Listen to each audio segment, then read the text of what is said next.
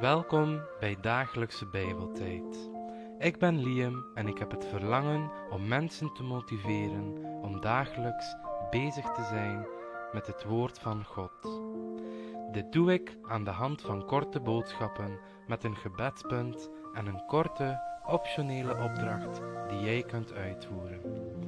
Heb je vragen, opmerkingen of toevoegingen, dan kun je ons contacteren via dagelijkse.bijbeltijd.gmail.com. Veel luisterplezier en God zegen. We zijn gekomen aan vers 6 van Hebreeën 11, onze studie over de geloofshelden. En Hebreeën 11, vers 6 zegt het volgende. Zonder geloof is het echter onmogelijk God te behagen. Want wie tot God komt, moet geloven dat Hij is en dat Hij beloont wie Hem zoeken.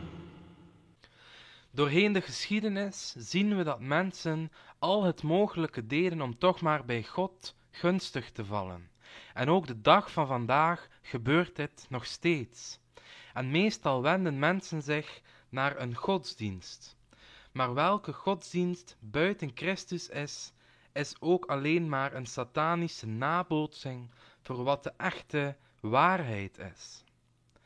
Velen vertrouwen op hun goede werken en daarbij vergeten ze dat al hun goede werken zonder het geloof in Christus God beledigt.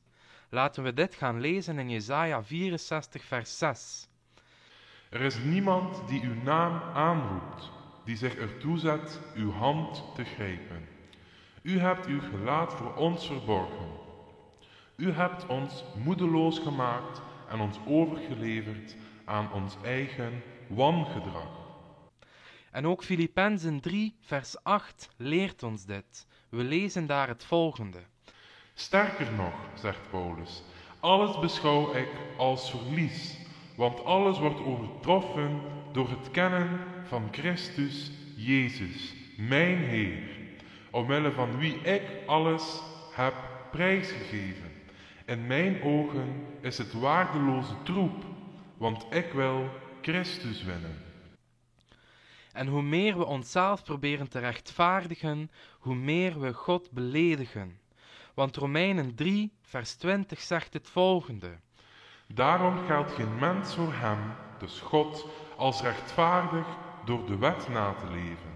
Want juist de wet leert ons de zonde kennen.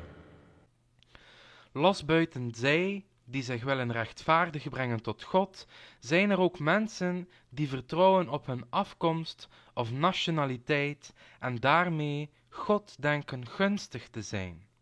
Het Joodse volk dacht bijvoorbeeld zo.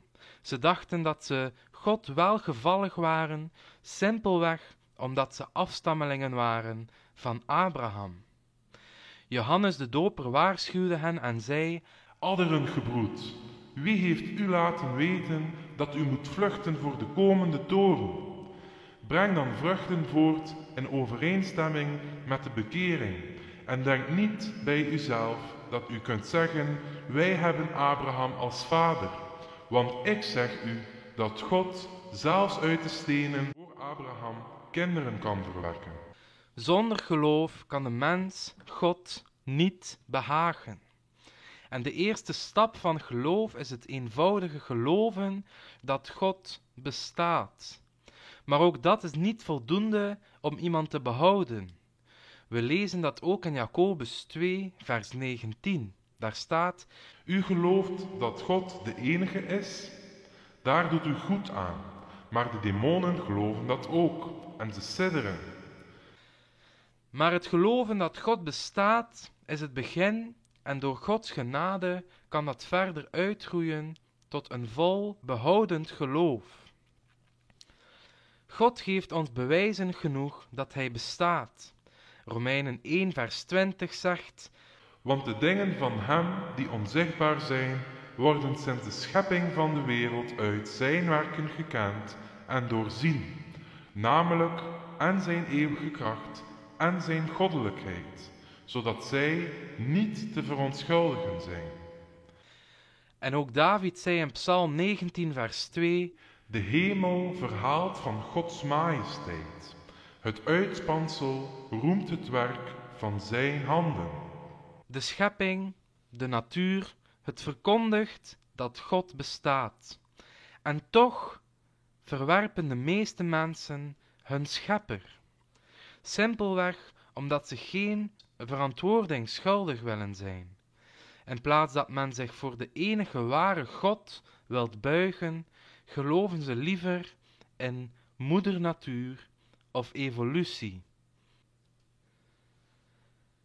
Het gebedspunt prijs God voor de schoonheid van zijn schepping. En de aanvullende zelfstudie lees Romeinen 1, vers 18 tot en met 32. En als je dit leest, wat lees je hier over God en het aanbidden van afgoden?